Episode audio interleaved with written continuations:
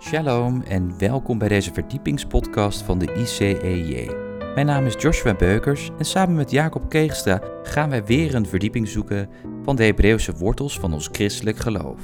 In aflevering 219 gaan wij het hebben over Israël in oorlog, de strijd om de poorten van Jeruzalem.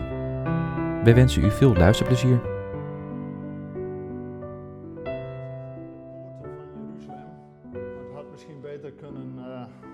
Worden de strijd om Jeruzalem.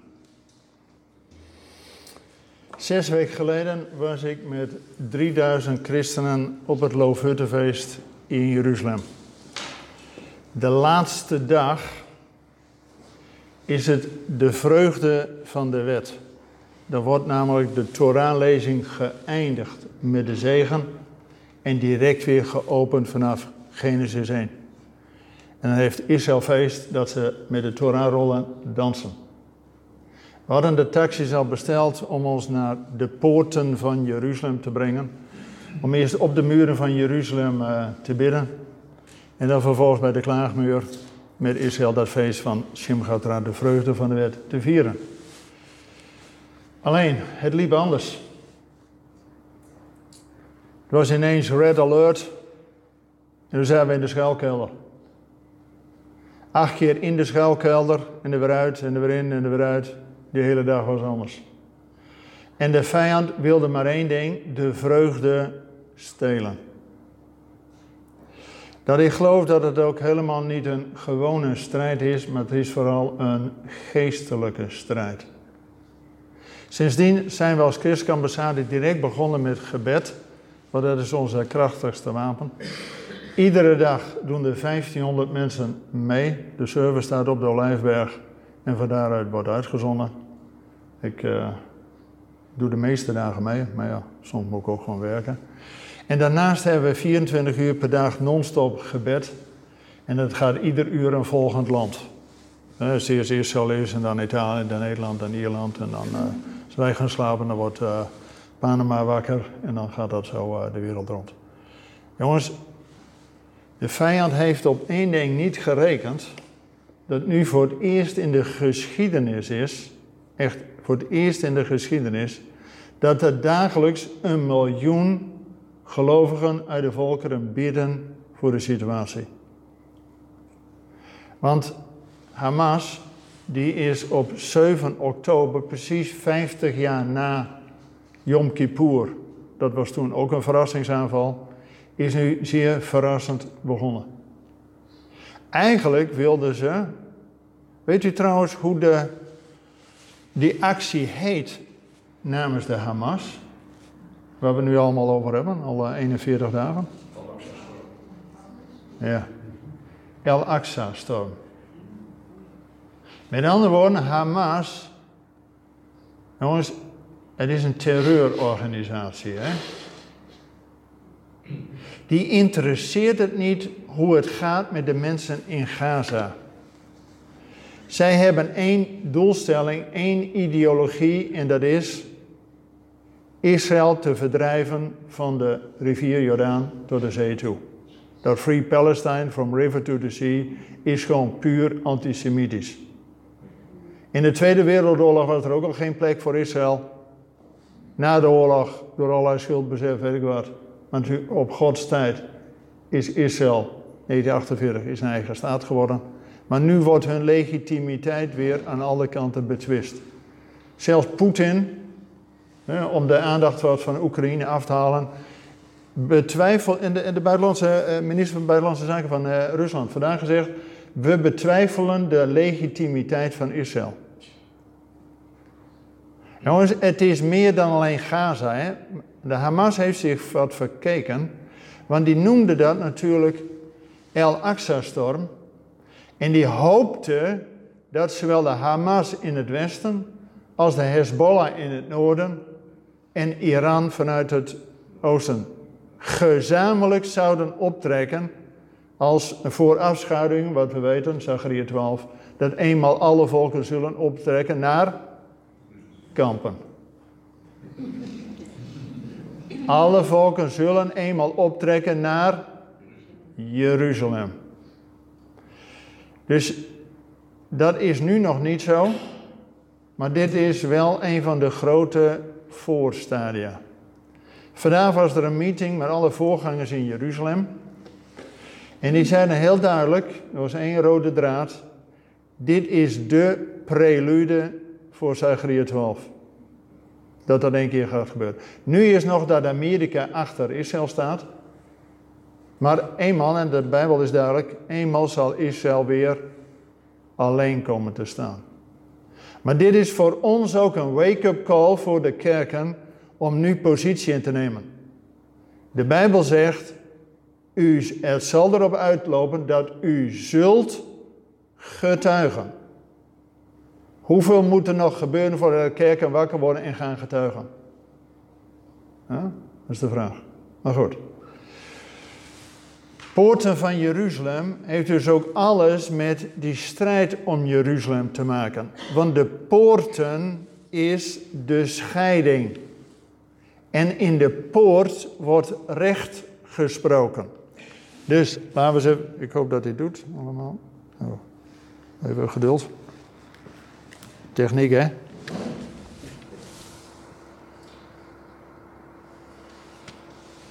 Als het goed is, moet hij het gaan doen. Ja, oké. U kunt het lezen. Ook uh, helemaal achteraan. Ik wou eerst met Reinier, ja, geweldig. Jesaja 41, dat is een van de mooiste hoofdstukken. Maar ik wil toch ook een tekst lezen wie specifiek over de poorten van Jeruzalem. Psalm 24.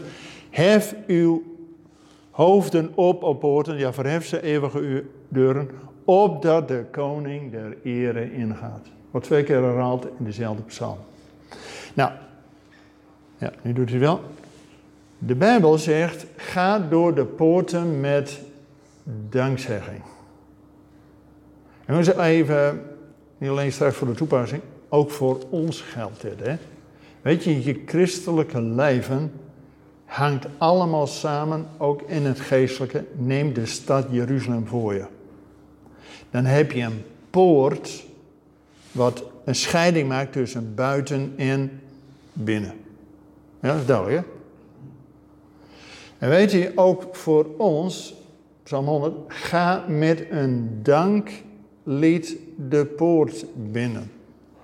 In het Hebreeuws staat daar gewoon toda. Zeg je niks, maar dat is gewoon dankjewel. Dus in Israël hoor je iedere keer toda, toda rabba. Heel hartelijk dank, dankjewel. Dus dat kun je met je volle verstand zeggen. Dankjewel. Dank u wel, Heer. Ik was een zondaar, maar ben nu een kind van u. Dat betekent voor ons als gelovigen dat ons geloof niet afhangt van onze emotionele toestand. Van vandaag voel ik me wel happy, misschien ben ik wel een christen. En morgen, ja, dan zit het wat tegen, een beetje in de depri. En dan, nou ja, ja, ja, ja, ben ik het wel? Uh, hè? Nee. Je kunt met je volle verstand ten alle tijden zeggen: Heer, dank u wel, ik was een zondaar, maar nu een kind van u.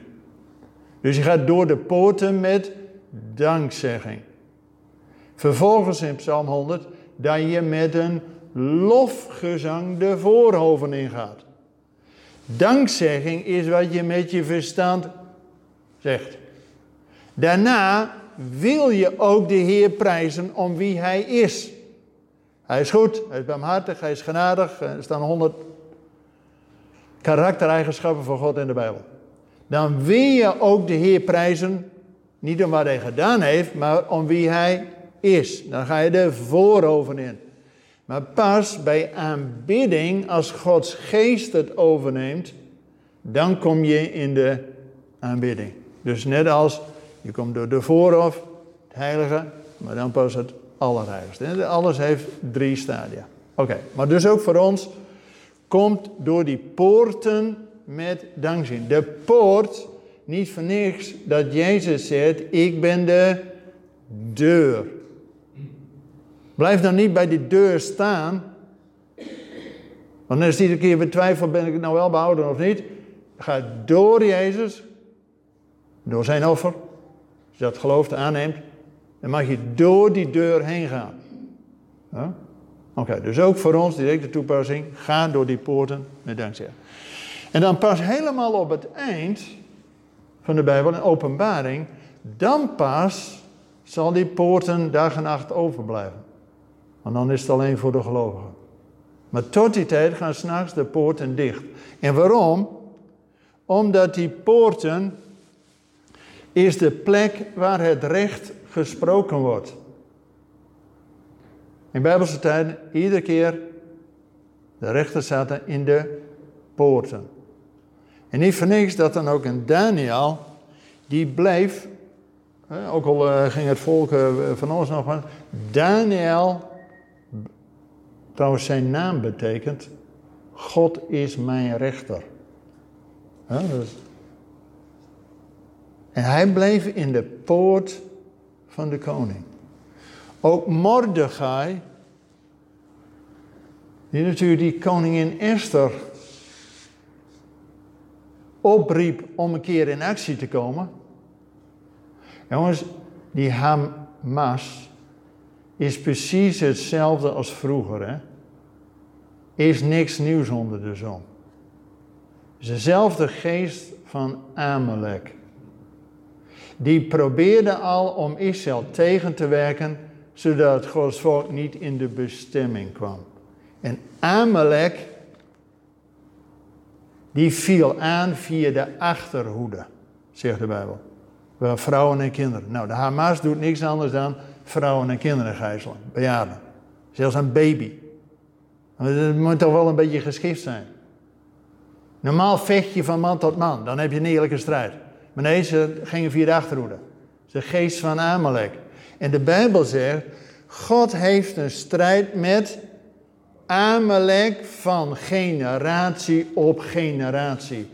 En zelfs aan het eind van de Torah, als het volk, uh, de laatste reden van Mozes, vergeet Amalek niet.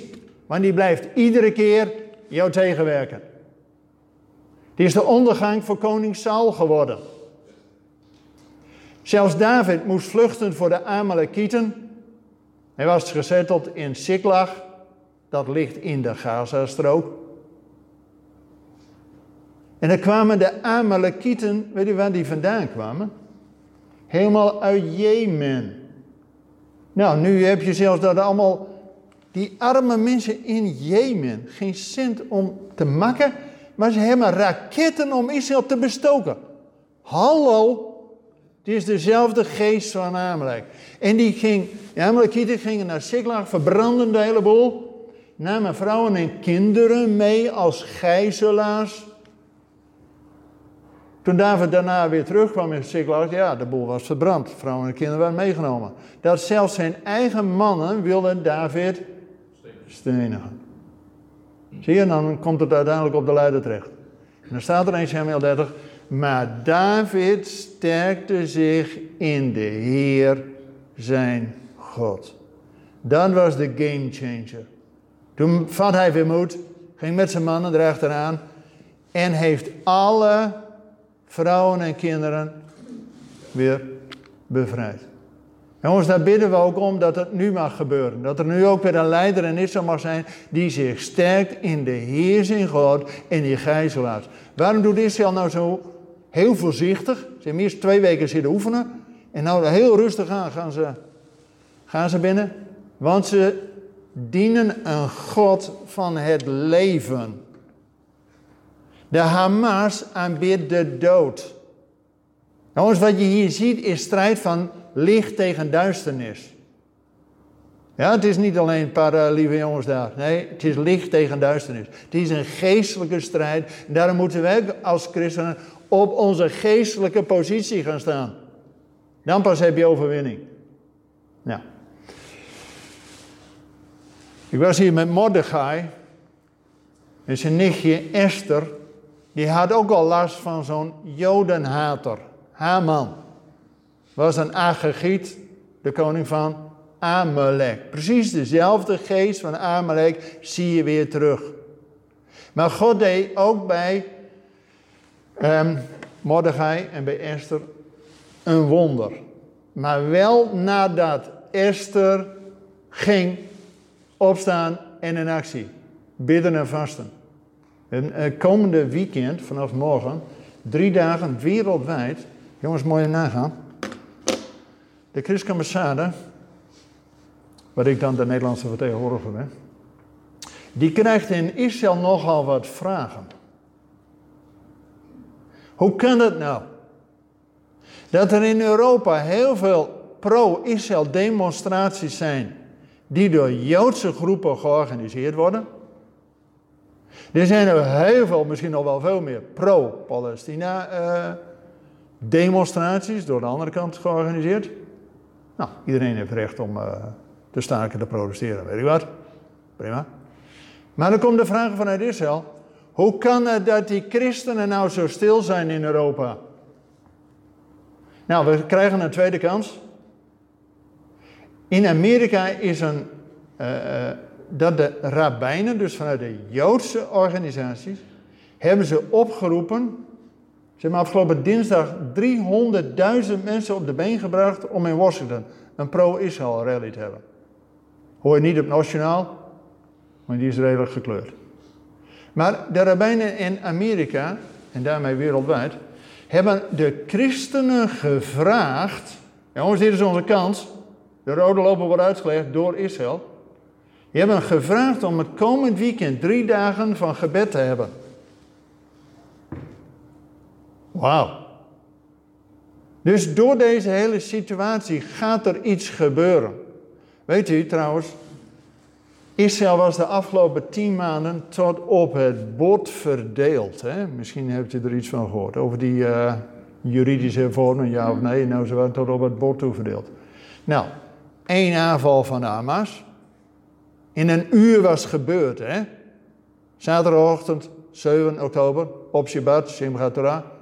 6 uur, half 7 begon het. En in een uur tijd hadden ze 1300 mensen eh, gedood, 1000 gewonnen en 240 gegijzeld. In een uur, hè? Trouwens, we kregen de complimenten vanuit Israëlische nieuwsbrieven. Jerusalem Post en weet je. Je snapt er niks aan. Werden wij als christelijke ambassade voorop. Alle Israëlische kranten hebben gisteren, gisteren uh, report. Waarom nou? Een aantal jaren geleden waren er allemaal bij die Gazastrook waren er van die ballonnen die ze oplieten met vuurwerk eraan. In het voorjaar, en dan uh, waait het met de, uh, zee, uh, met de wind mee vanaf de zee. En dan precies op het rijpe graan en dan valt het neer en verbrandt al het koren. Nou, zodra het koren verbrandt, heb je vijf jaar lang geen vruchtbare grond. Ja, dus dan heb je een hoop ellende. Toen hebben wij als christelijke ambassade hebben allerlei uh, om die kibbutzen langs de Gazastrook te bemoedigen, hebben we daar allerlei, uh, uh, hoe noemen we dat, fire equipment. Dus brandweerapparatuur. van die kleine karretjes, van die golfkarretjes, waar direct van die grote liters spullen zit. Daar zit direct overal naartoe kunnen. Ja, in ieder van die grote brandweerauto's, van die kunnen soms niet overal komen. Maar als je van die kleine pick-up truckjes hebt, een aantal. En we hebben alarminstallaties gegeven. Want iedereen heeft daar in Israël natuurlijk wel zo'n WhatsApp. Maar die kan ook met in noodsituaties direct overbelast zijn. Nou, en die alarminstallaties, die hebben we dus een jaar geleden gegeven, die zijn nu 7 oktober gebruikt langs die Gazastrook. Van al die kibbutzen, die hebben van die apparatuur, van, van die grote sirenes en de luidsprekers van uh, vijand komt eraan, dek je in de schuilkelders, weet ik wat. Israëlische kranten beweren dat door onze alarmapparatuur er 3000 mensen minder gedood zijn op 7 oktober. Zo. Ik zeg het niet, zeggen zij. Ik kan het niet nagaan, maar ik weet wel dat wij al die apparatuur gegeven hebben. En die is daar gebruikt. In de kibbutz die dat apparatuur nog niet had, daar zijn de meeste slachtoffers gevallen. Dus er is een oorzaak-gevolg. Want de Hamas die wilde, en ze hebben uh, sommige van die terroristen uh, gepakt, die hadden allemaal uh, briefjes in een achterzak. Ze wilden 5000 mensen doden. En dat doen ze zo geraffineerd, je snapt niet hoe mensen dit kunnen bedenken. Ze gaan eerst de Joden martelen, vervolgens doden, vervolgens ophangen en daarna nog verbranden. Dat moet toch ook wel helemaal koekoek zijn, hè? Maar dat duurt dus even. Want als je niet alleen zomaar even iemand doodschiet, maar ook nog vier handelingen doet, dat duurt even. Mede daardoor hebben ze geen 5000, maar slechts 1200. Nog 1200 veel natuurlijk. Maar de wereld durft niet te zeggen, ook de Verenigde Naties niet, dat Hamas een beestachtige moordmachine is. Dat durft men niet te zeggen. Jongens, ook nu in Zwolle zijn mensen die een Israëlische vlag ophangen. Dan krijg je van hun uh, Arabische buren de intimidatie van: hé, hey, ik weet waar je kinderen uh, naar school gaan. Jongens, het geestelijk klimaat is in Nederland, laten we zeggen, de laatste tien jaar compleet omgekeerd. Dat wisten we al. Tot 1980 was Nederland redelijk pro-Israël. Na de oliecrisissen van 73 en 79 zijn we pro-olie geworden. En die hebben naar de bieren. Dus hebben we Israël ingeleverd, want onze heilige koe, de auto, moet wel rijden. We moeten vooral niet te veel autoloze zondaar. Dus toen hebben we politiek gezien de Arabische kant gekozen. Nou, je weet waar het naartoe gaat. Want die Hamas was dus van plan met de Hezbollah en Iran gezamenlijk op te trekken naar Jeruzalem. Trouwens, Al-Quds, een soort uh, Jeruzalem heet in het Arabisch. Jeruzalem wordt niet één keer genoemd in de Koran. Hè?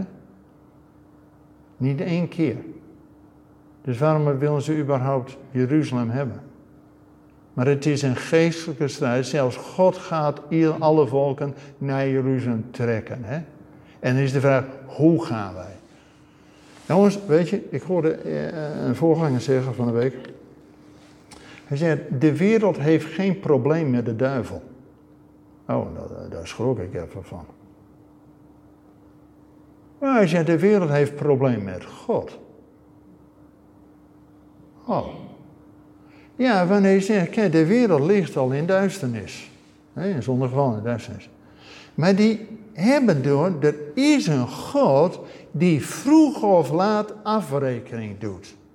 Dus de wereld die strijdt tegen God.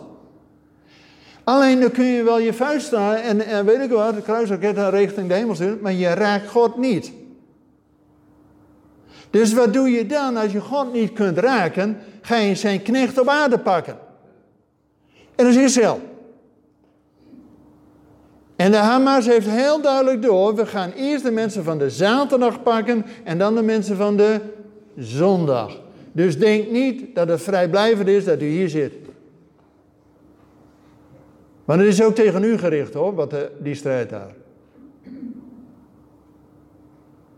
Want antisemitisch is anti-sem. Is anti de naam, Hashem. Dus tegen God gericht. Maar omdat je God niet kunt raken, ga je zijn knecht op. Dus in de eerste plaats Israël. En alle bijbelgetrouwe christenen die Israël zegenen, zijn daarna ook aan de beurt. Ja, dus jongens, Het is dichterbij dan wij denken. Hè? Wat ik tegen eh, een brief naar de burgemeester, de, de, nee, zijn medewerker vandaag aan de lijn van, uh, van Zwolle. Zei, ja, er waren 7 oktober wel uh, acht mensen uit Zwolle. Want we zijn 5 oktober, twee dagen daarvoor, zijn we met zoveel honderden mensen naar die kibbutzen in Gaza geweest. Om hen te bemoedigen. Die burgemeester van dat gebied heeft ons nog toegesproken. Het was een loofhuttenfeest, dus je zit met die eh, mensen in de loofhut eh, te lunchen. Twee dagen later zijn die mensen op koele wijze, op brute wijze vermoord. Als het twee dagen eerder waren, waren er ook acht mensen uit Zwolle gedood of gegijzeld. Hoe zou Zwolle dan gereageerd hebben? Zeg maar, dat komt dichterbij dan wij denken. Nou, Die poorten van Jeruzalem, dus die Al-Quds-strijd, heeft dus alles te maken ook met de geestelijke strijd om de poorten. Nou, gaan we even verder. Mordechai zat dus ook al in de poort van de koning, want daar werden de beslissingen gedaan. En daar hoorde hij ook dat andere mensen de koning wilden vermoorden en hij briefde dat door. Kreeg geen beloning? Nee. Maar op Gods timing werd het omgekeerd. Dus het gevecht gaat om de poort. En ook om het recht. Weet je dat heel veel Arabische mensen die in Nederland nu zijn. Hè? We hebben meer dan een miljoen uh, mensen met islamitische achtergrond. Meer dan een miljoen, hè? Weet je wat zij overwegend studeren? Enig idee? Rechten. Want als je de wetten van een land kent, en het even beter kent als een ander, en de wetten kunt veranderen, heb je een land in de greep. En wij zijn wel eens naïef daarin. die mensen hebben een doel, die hebben een focus. Ja? Oké, gaan we even verder. Nou, nu even over Jeruzalem, want daar kwam je natuurlijk ook voor. Jeruzalem heeft twaalf poorten in Bijbelse tijden. Nu uh, iets anders, maar laten we eens even kijken. Die twaalf poorten in de Bijbel, drie naar alle vier windstreken. Je weet, drie in de Bijbel is een bepaald getal, hè? Waar staat drie voor? Nee, dat is zeven. Dat is zeven. Drie. Wij noemen dat drie eenheid. Maar dat woord staat niet in de Bijbel. Maar we wel, God heeft een naam. Ik ben de God van Abraham, van Isaac en Jacob. Abraham is de vadertype, Isaac de zoon en Jacob de transformatie door Gods geest van Jacob naar Israël. Dus Abraham, Isaac en Jacob heeft alles met vader, zoon en heilige geest te maken. Dus ook weer drie. En die vier is natuurlijk dat God op de aarde regeert naar alle vier windstreken. Nou, tegenwoordig hebben we naar het westen toe maar één poort in Jeruzalem. De Jaffa-poort. Daar uh, ging Petrus door, want die was op een gegeven moment in Joppe, Jaffo. Nou, om daar te komen vanuit Jeruzalem loop je via de Jaffa-poort. Jaffa Street. En als je die maar door loopt, kom je zelf in Tel Aviv, Joppe of Jaffa uit. Dan hebben we ook drie poorten naar het noorden. De middelste is de Damascuspoort. Die is wellicht de bekendste. Heb je nog de nieuwe poort, wat de, uh, ook wel de christelijke poort genoemd wordt. En dan heb je nog de Herodespoort. Daar um, heb je wel eens van de vrije metselaars gehoord. Ja. Nou, Israël heeft uh, die westelijke muur van de tempel, hè, noemen wij de klaagmuur. Trouwens, Israël heeft maar één klaagmuur. Dat is bij de Belastingdienst. Maar bij de westelijke tempel is dat de kotel, de gebedsmuur. Waar je kunt aanbidden, maar ook je klacht kunt doen. En ze hebben natuurlijk jaren geklaagd over val van Jeruzalem. Dus klaagmuur kan me iets bevoorstellen. Op het Tempelberg staan twee van die islamitische heiligdommen. Plus nog twee onder de grond. En er staat bovenop, God heeft geen zoon. Tegen wie is dat gericht? Tegen ons. Jongens, met de Hamas is geen vrede te krijgen. Waarom niet? Waarom wilden zij vrij Palestina van de river to the coast, to the sea?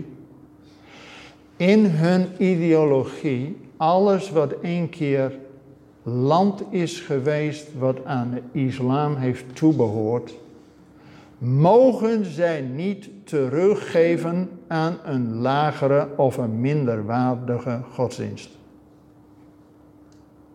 Laat me uitleggen. Zij geloven ook gewoon dat het allemaal begon bij Abraham. Abraham is ook de stamvader van Ismaël. Dus in hun gedachtegang, God is met Abraham begonnen. Alleen de Joden deden ook niet wat God had gezegd in zijn woord. Nee, uh, lees het Oude Testament maar op. Het was iedere keer uh, de een weer goed, de geen weer slecht. Dus ze deden niet altijd wat God had bedoeld. Ja, daarna kwamen de christenen. Kwam Jezus en de christenen. Alleen die christenen deden ook niet precies wat, uh, laten we zeggen, in het Nieuwe Testament stond.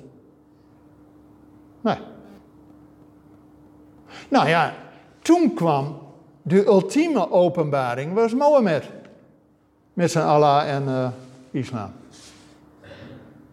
Dus, moet je even kijken. Christenen die in de vervangingstheologie geloven dat de kerk in plaats van Israël, die zijn niet consequent. Die zouden dan moslim moeten worden. Want dan ben je consequent. Kijk, als je gelooft dat, is, dat met Abraham begonnen is en daarna Israël, maar die deden niet precies wat God had gezegd, en dat daarna de christenen, en wij hebben het allemaal, dan zou je moslim moeten worden. Want dezelfde redenering is ook voor ons. Wij deden ook niet allemaal wat er in het Nieuwe Testament staat. Ik heb alleen maar de bergreden. Nou, daar komen we niet eens aan toe. Dus iemand die als christen vervangingstheologie aanhangt, moet je vragen, waarom ben je geen moslim? Maar dan ben je tenminste consequent. Weet u, de enige reden dat ik christen ben en van Israël hou, en dat is omdat God trouw is aan zijn beloften. Want als God niet trouw is aan zijn beloften aan Israël, waarom zou hij dan trouw zijn aan de beloften aan ons? Ja, daar staat ook uh, strepen door. Maar omdat God betrouwbaar is, ook al doet Israël niet helemaal uh, wat de bedoeling is, dat snap ik. Maar God zegt zelf, in ongeloof zal ik hun terugbrengen. En dan pas water over hen uitstorten. Dat is gewoon het plan van God. Maar bij de moslims, die dus die ultieme vervangingstheologie hebben, die, die kunnen niet het land wat één keer aan de islam heeft toebehoord, teruggeven aan Joden of christenen. Toen in het jaar 2000, Ehud Barak, premier van Israël, in onderhandeling met Yasser Arafat, toen nog. Maar die hadden ook altijd al ruzie. Barak gaf, wilde 96% wat Arafat wou, wou hij geven. Iedereen zei, hoe kun je dat nou doen? 96% van wat Arafat wou hebben, kon hij krijgen. En hij deed het niet. En waarom niet? Heel simpel. Heel simpel. Als hij dat gedaan had, dan had hij direct de volgende dag een dolk in, de, zijn rug gehad van een van zijn islamitische broeders. Want dat is verkwanseling van islamitische grond. Ook al is het maar 4%, verkwanseling. Dus hij kon dat niet. Jongens, in de islam is de wereld ingedeeld in tweeën. Deel wat onder de islam hoort, huis van de islam, dat betekent onderwerping. En de rest is het huis van de jihad. En dan mag je moorden, doodslaan, noem maar op, want dat zijn toch maar ongelovigen. Honden en apen. Zo denken ze over u hoor. Dus je kunt hier allemaal heel vriendelijk tegen islamieten zijn. En ze allemaal opbergen. Allemaal hartstikke goed. Al je broederlijke naaste liefde. Hartstikke mooi. Vergeet niet, hun ideologie. In hun ogen ben je gewoon ongelovig. Honden en apen. En er valt geen vrede met hun. Dus denk ook niet dat het alleen maar extremistische islamitische groepen en de rest is gematigd. Jongens, het is één duidelijke ideologie tegen God en tegen zijn volk. Daarom al die antisemitische leuzen. En de poorten van Jeruzalem maakt het verschil. Nou, ik was bezig over die Tempelberg. Die heeft dus die islamitische heiligdommen. Daaromheen, plaagmuur voor Israël. Daaromheen hebben die christenen een groot aantal kerken gebouwd. In de loop der eeuwen. Ja, als je ooit in Jeruzalem geweest bent, zijn nog meer kerken dan uh, in Kampen. Oké. Maar weet u wat er onder de Tempelberg is? Hebt u ooit van uh, de grot van Zedekia gehoord? Toen uh, Salomo de tempel bouwde. Even terug in de geschiedenis. Salomo die kreeg opdracht tempel te bouwen. Die kreeg het hout, de ceders van de Libanon. Want David had al vriendschap met Hiram, koning van uh, Libanon. En die uh, wou die ceders Dus dat was het hout. Maar al die grote stenen. Ben je wel, ben je wel eens uh, bij de klaagmuur geweest en ook in die tunnels daaronder? Er zijn stenen, er is één steen die is 13 meter lang, 2,5 meter breed en 1,5 meter hoog. Die weegt 250 ton. Net zo zwaar als een Boeing 747. Waar komen die stenen vandaan? Die werden uh, gebruikt om de, de, klaagmuur anders uh, van Tempelberg op te bouwen. Die komen gewoon uit de Tempelberg, uit de noordkant. Want de Bijbel zegt, Salomo had 70.000 steenhouwers en 3000 opzichters. Dat is een heel leger.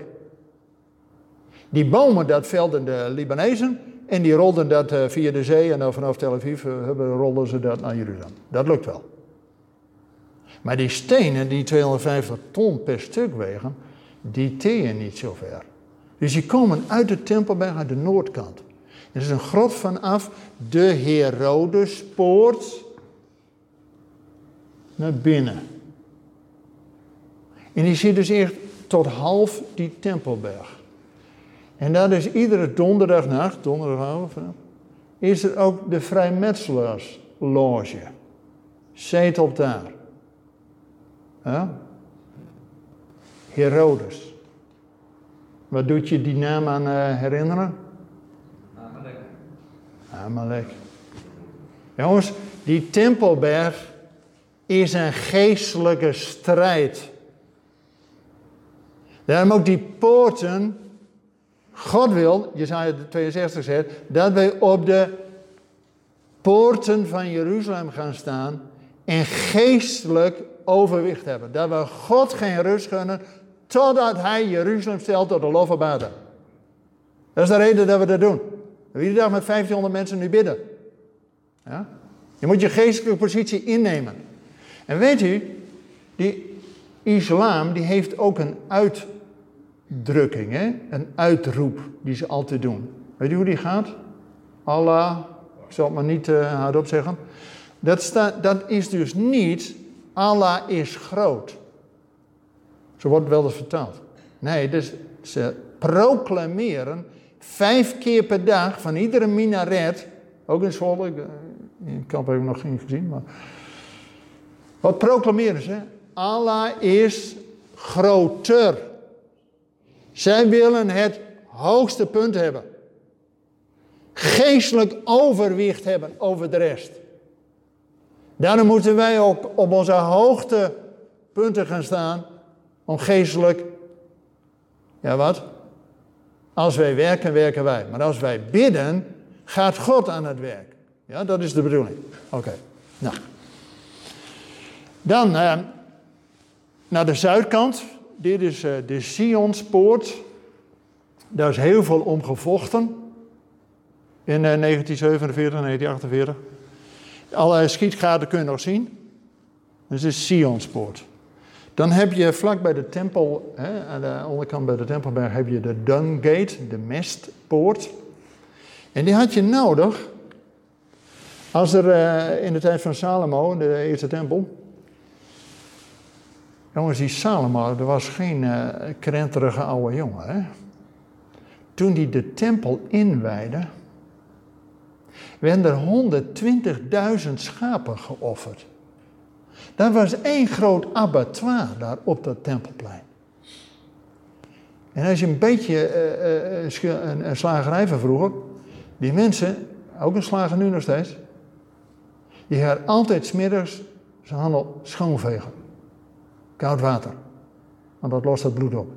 Dus die Dungate, de mespoort, was om s'avonds het tempelplein weer te reinigen. En vanaf het tempelplein, via de mespoort, de Dungate, loopt het rechtstreeks naar Gehenna. Het Hinnomdal, Gehenna, waar het allemaal eeuwig. Dus in het fysieke zie je dat gewoon, maar Gehenna heeft ook een geestelijke betekenis. Hè? Laat dat duidelijk zijn. Oké, en dan heb je nog uh, iets verder. Heb je de Hulda-poort van de profetes Hulda. En daar kwamen de, in de tijd van Jezus, dus met de tweede tempel, weten we, dat al die, die trappen bij de zuidelijke muur. En met de Loofhuttenfeest gingen er soms een miljoen mensen op naar Jeruzalem. En die moesten allemaal een keer offeren bij de tempel. En die gingen allemaal door die huldapoort bij die trappen omhoog. En die trappen die hebben bewust ongelijke treden. Zodat je dus moet nadenken wat je doet. Iedere stap was een aparte. Het was niet even alles gelijkvloers en heb je snel eh, thuis. Nee, bewust oneven stenen trappen. En dan, zitten, dan kun je nu nog zien, heel veel van die mikwe, van die rituele reinigingsbaden. Nou, dat was voor de pelgrims als ze naar Jeruzalem gingen, de baden voor het tempelplein. Maar die werden ook gebruikt met Pinksteren. Want met de eerste Pinksterdag had Petrus één toespraak. En dan komen 3000 mensen tot geloof. De eerste Pinksterdag. En die werden allemaal gedoopt. Waar deden ze dat? Direct in die reinigingsbaden. Ja, die waren er al. Dus, kopje onder en uh, hartstikke idee. 3000 man. Ja?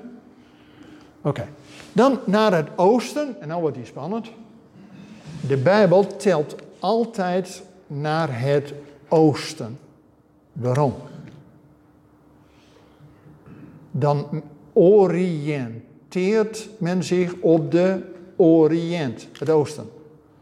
Vroeg hij nog niet van het magnetisch noorden en zuiden? Dat wist men helemaal niet. Maar we weet wel, s ochtends komt altijd zon op in het oosten. Jongens, dat is net zoals in de tijd van Abraham en Mozes en David. Jezus hadden ze geen kwartshorloge, hè? Dus wanneer was het tijd om het feest te hebben? Pesach, Pasen? Heel simpel. Volle maan. Dat kan iedereen, ook maar met een half oog, kun je zien, volle maan. Nou, tijd voor het Pesachfeest. Een half jaar later, in de zevende maand, ook weer volle maan. Voor iedereen wat ter wereld duidelijk, volle maan. Over de feest.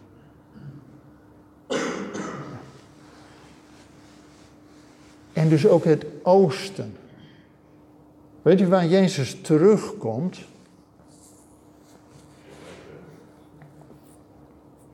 En daar staat, hij komt op de Olijfberg ten oosten van Jeruzalem. Waarom staat dat er nou bij?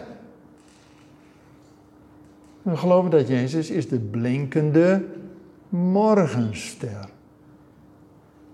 Dus wanneer hij komt, dan is het ook het licht wat vanuit het oosten. En normaal gesproken, als je op de, Tempelberg is 750 meter plus NAP. De Olijfberg is 800 meter. Dus als de zon ochtends opkomt vanuit het oosten, houdt die Olijfberg het eerst de zon tegen.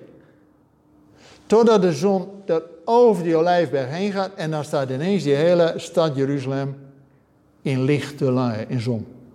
Jeruzalem zelt dat is het lied. Oké, nou ja. Dus het oosten is het belangrijkste. Nou, dan heb je drie poorten. Ja, nu eigenlijk maar twee, maar uh, die, nou ja, eigenlijk is maar één open. Deze die je hier ziet is de gesloten poort. Ook wel natuurlijk de gouden poort genoemd. Die is dichtgemetseld door wie? Door de islam. Sultan Suleiman, 1543. En die had er allemaal islamitische graven voor uh, laten begraven. Waarom? Want hij weet ook wel, er komt een keer een Messias. Had hij nog wel eens een keer uh, van gehoord. Dus om te voorkomen dat er ooit een Messias door die Gouden Poort gaat, hebben ze islamitische graven daar neergelegd. Waarom? Want die gaat ervan uit, een Messias is zo heilig en rein, die gaat niet over een begraafplaats. Nou, we weten zodra Jezus terugkomt, zullen alle doden, wat was dat ook alweer? Opstaan. Dus uh, appeltje eitje. Weet je dat die gouden poort, er zitten nog twee poorten onder. En Jeruzalem is 40 keer verwoest en weer opgebouwd, verwoest, dus hier zitten nog een aantal poorten onder. En daar groeit biezen. Nou, dat betekent dat er water is. Wat zegt Ezekiel? Met die uh, tempel, daar komt het water door over die drempel en zat door de oostpoort, Kidrovlei, en zelfs, zelfs het dode zee zal weer vol zijn dat je kunt vissen. Doe maar, zeg het maar. Nou, voorlopig hebben de, degene voor ons aan de rechterkant, is de schaapspoort. En die heet ook de leeuwenpoort. Dat is toch vreemd? Er staan twee leeuwen boven en die wordt de schaapspoort genoemd. Waarom de schaapspoort? Omdat in de tijd van de tempel, met Pesach, worden heel veel lammeren geofferd. Voorschrift. Die komen via Olijfberg, via Kidron uh, en gaan via de schaapspoort naar binnen. Dat is een hoogpunt. Dan ben je direct op het niveau van de Tempelberg. Wordt die direct aan de noordkant geslacht, daar zijn de slachterijen, en dan geofferd.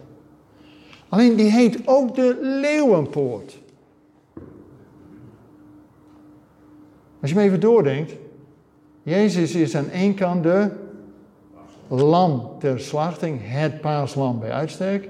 En die komt terug als de leeuw van Juda. Noem maar. Nou, oké, dan nog even wat betekenis van die poorten. Want, jongens, wij maken een onderscheid tussen het geestelijke, wat je zondags doet, en wat je gewoon door de week fysiek doet. Dat is puur Grieks denken. In de Bijbel is er een eenheid tussen het geestelijke en het natuurlijke. En God in de hemel komt bij ons wonen. Hè? God wil relatie met ons. Komt zelfs bij ons wonen. Zijn tent, zijn tabernakel, bij ons. Ja? Oké. Niet voor niks dat in Israël de Bijbel naast de krant wordt gelezen. En de krant naast de Bijbel. Want ze weten, in het geestelijke is ook het fysieke zichtbaar. En in het fysieke heeft altijd een geestelijke betekenis. Zo ook die fysieke poorten van Jeruzalem hebben een geestelijke betekenis.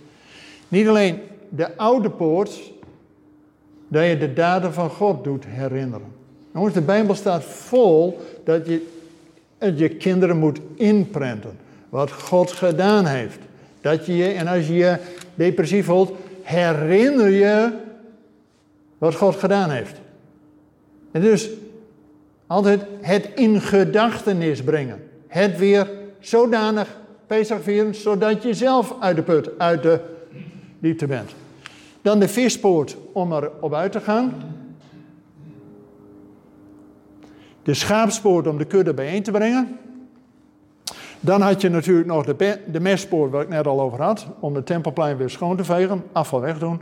En de Herodespoort is de poort van de antichrist. Nou, dat zie je al aankomen. Maar nou nog een paar andere. De schone poort wordt in handelingen genoemd, waar Petrus en Johannes zijn, en die genezen daar een verlamde. Trouwens, als je de Tempelberg hebt, met het Tempelplein,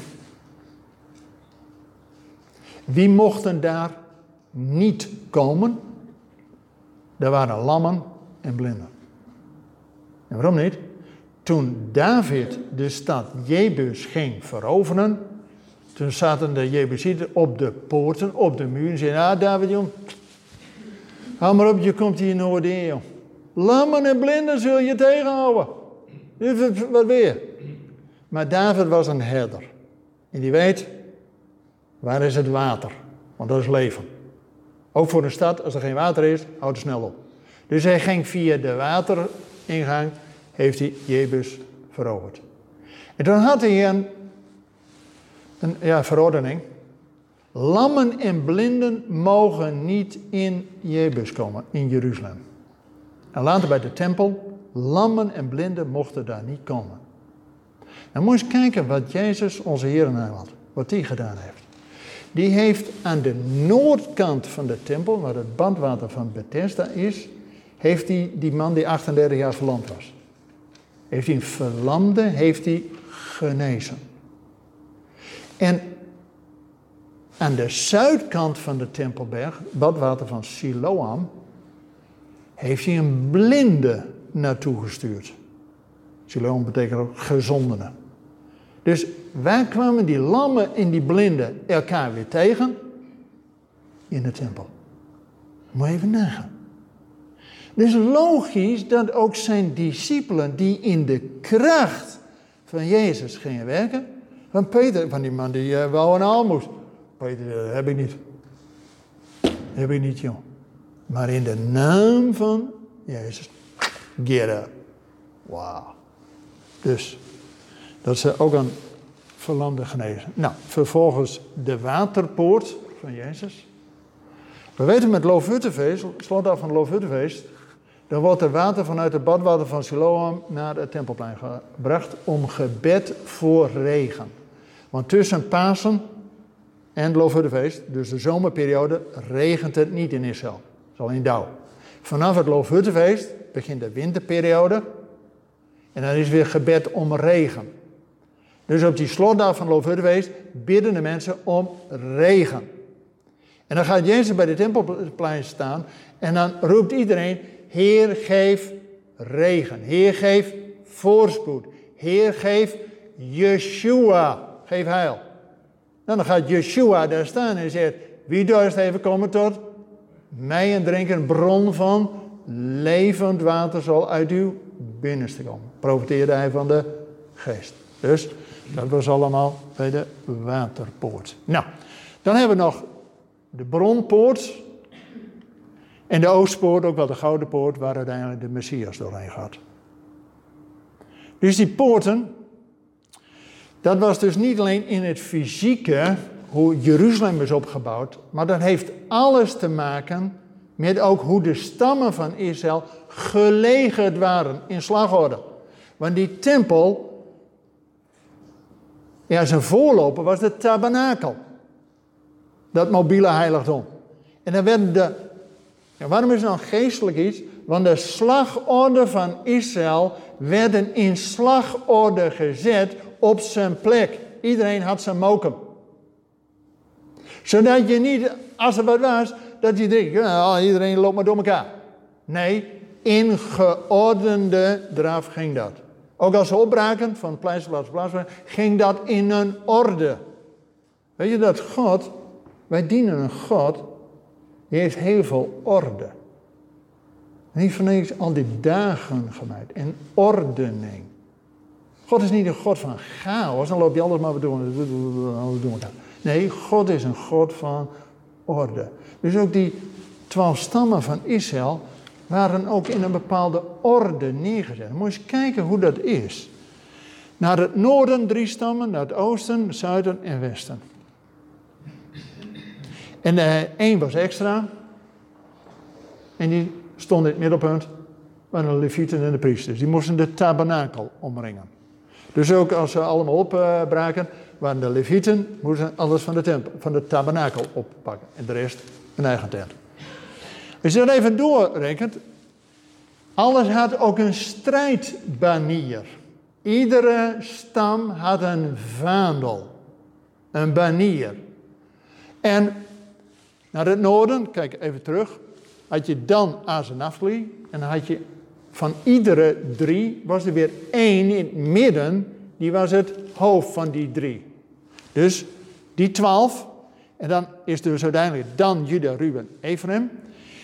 En die vier waren dus de vier hoofdstammen. Dan moet je eens kijken naar het oosten. Vond ik heel frappant toen ik dit zo las. Naar het oosten was Juda, de leeuw. En naar het westen precies, de andere kant was Ephraim. Weet je, was vaak strijd tussen de tien stammen en de twee stammen. En die komen samen wanneer ze geestelijk één worden. Oké. Nou, ook in de Bijbel, in het Nieuwe Testament, openbaring, heb je de 24 oudsten en de vier dieren, geestelijk hè, die aanbaden het land, het centrum. En die dieren uit de openbaring is ook weer precies die eerste vier, leeuw, rund, mens en aarde, zijn precies die vier die ook geestelijk hun positie innemen. Hun geestelijke vaandel. Hadden ze het over Amalek. Exodus 17 kun je dat lezen. Dat Amalek, die deed dat heel sneaky. Jongens, de tegenstander gaat met overleg te gang. Hè? Toen Israël uit Egypte, nog als slaven, zootje ongeregeld, 600.000 mensen, dat gebeurde. En die ging op weg naar de Sinaï. Want daar kregen ze hun roeping. Daar werden ze tot een positie gesteld. God zegt, ik heb u uitgekozen tot koningen en tot priesters. Tot een volk mij ten eigendom. En dan krijgen ze de tien geboden, de tien levero's voor het koninkrijk. Dat wanneer ze een keer in het beloofde land zijn, om dat ook koninklijk uit te werken. En precies tussen die slavernij uit Egypte en die koninklijke positie, wat God hem wil hebben, daartussen gaat Amalek aanvallen. Want die wil niet dat Israël in zijn bestemming komt. Dus eigenlijk weer terug naar af, chaos. Nou, het is gewoon Genesis 1, hè. In het begin was het aarde woest en ledig. Tohu wabo, woest en ledig, chaos. En dan spreekt God een woord en dan komt er orde. En God wil ook, en dan staat het bij die strijd tegen Amalek. En dan gaan we ook poseren, maar dan nemen we even mee. Hoe gaat Israël de strijd aan met Amalek? Mozes die heeft het door dat het geestelijke en het fysieke bij elkaar hoort.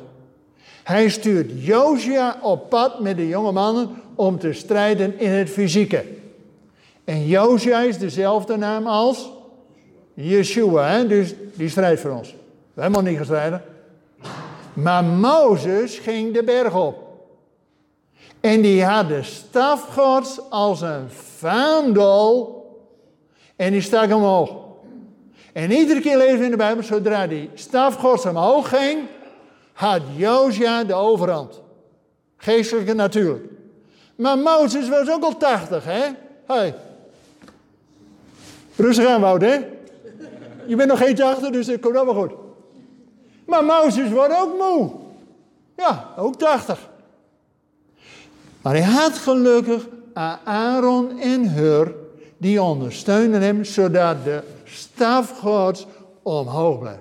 En nou moet je eens kijken welk driemanschap zijn geestelijke positie inneemt. Mozes was de profeet van het Oude Testament. Verwijst naar Jezus. Maar Mozes was de grootste profeet van het Oude Testament. En Aaron was de hoge priester. En Hur was de stamvader van Juda, waar later de koningen uit voortkomen. Hé, hey, dus welk driemanschap neemt zijn positie in van koning, profeet, priester, profeet, koning. Wauw, dan heb je de overhand. En als wij bidden, onze positie nemen, gaat God aan het werk. En dan kon Yeshua, onze Heer, Jongens, weet je, ik hoorde vandaag, de meest elite groep van Israël, die nou het vuile werk op uh, los daar in die Gaza, uh, in het ziekenhuis, hè, die Al-Shifra. Trouwens door Israël gebouwd, hè, dat ziekenhuis. Het is een commandopost voor de Hamas, is duidelijk gebleken. Maar weet je, die elite groep die dat nou moet opknappen, hè, is van de Golani-brigade. En er is één special groep, van hoger dan een man of honderd soldaten, die echt uh, het keurmerk is. Hè? Onze mariniers, zeg maar. Hè? Commando's, weet ik het hoe je het noemt. Die hebben een bijbeltekst in hun vaandel. In hun vaandel. Psalm 18. Nou, gaan we straks proclameren. Maar in ieder geval, zij hebben door dat het geestelijke en het fysieke hoort bij elkaar. Dus als Israël nu fysiek wordt aangevallen, denk niet voor ons, ah dat is ver weg en ze redden maar. Nee jongens, dat wij ook onze positie in gaan nemen. Gaan we straks na de pauze ook doen. Nog even twee plaatjes. Toepassing natuurlijk. De strijd gaat om de poort. Dan pas heb je de stad, kun je innemen. En daarom moet je ook op de poort je positie innemen. Dat we God geen rust kunnen totdat hij Jeruzalem stelt tot de loffe Dank u wel voor het luisteren naar deze verdiepingspodcast van de ICEJ. Waardeert u onze podcast? Steun ons dan. Dat kunt u doen door een donatie of door deze podcast te delen met uw vrienden of familie. Ga hiervoor naar icej.nl. Dank u wel voor het luisteren en tot volgende week.